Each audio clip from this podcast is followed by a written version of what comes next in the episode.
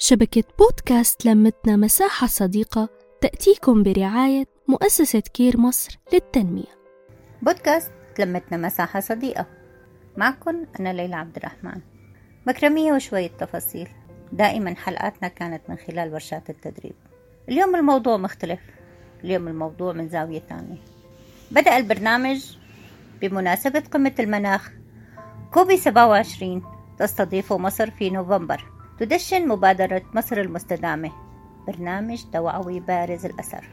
يقدمه نخبة من العلماء والمفكرين والشخصيات الدولية لمناقشة أثر التغيرات المناخية على جميع مناحي الحياة والبحث في التحديات التي تواجه اللاجئين وأثر التغير المناخي على حياتهم معكم رائدة العمل الميداني ليلى عبد الرحمن من سوريا. هذا كان بداية الحديث بالبرنامج. في كتير أسئلة توصف اللاجئين وضعهم ببعض الدول العربية. وصف اللاجئ شو يعني كلمة لاجئ؟ شو يعني لجوء؟ شو يعني هذا الكلام كله؟ كلام كتير كبير. عم يوصفني بيوصف حالي. لما كنت بالأردن بمخيمات بعيدة عن المدينة. لما كنت بلبنان بالمناطق الفقيرة اللي ما فيها خدمة لا أقدر أدفع أجار البيت فيها. وأماكن تانية كتير وكتير. الحديث كان جمل قانونية وأحيانا غير إنسانية وكأني شيء جامد.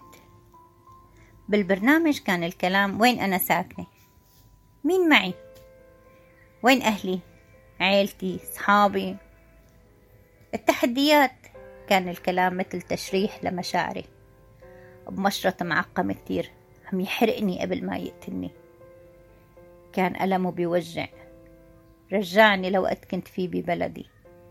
بالخوف بكل لحظة بالرعب من كل حركة. تفكيري بالموت. الموت ما كان يخوفني. الموت ما كان يخوفني أبدا. بس كنت خاف. مين مات ومين ضل ومين بقي. رجعني لوقت قررت قرار السفر الصعب وطريقة السفر اللي بتشبه حالي وحال بلدي. لحد ما وصل السؤال شو صار معك بمصر؟ هون حصلت على التعافي من لما عملت أول حضن مع أخت مصرية. كانت مدربة وأخت.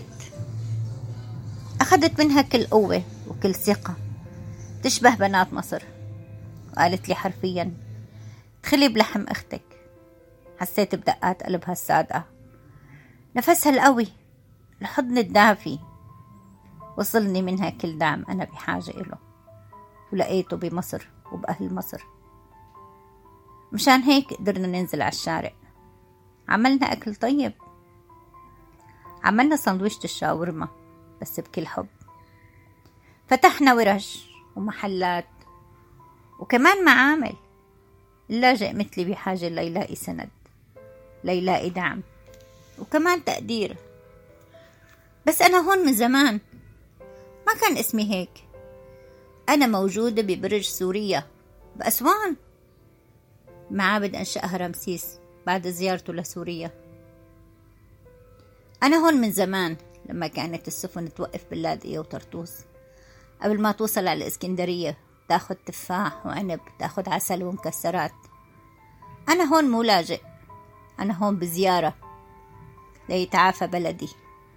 أنا هون بتعالج من أثر الحرب. أنا هون لأجمع شتات أسرة كل فرد فيها بدولة. ما بيقدر يدخل بلده المسلوب.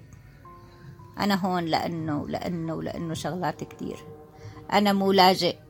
نفس الدم بيجري بعروقي. وعروقك ومشاعري بتشبه مشاعرك لما جرح فلسطين وجعنا كلنا. أنا هون بهوية أنا عربي مثلك. لغة وعادات. ما في حدود طبيعية. ما في جبال بتفصلنا عن بعض. أنا سوري بمصر. نحكي نتشارك نتواصل.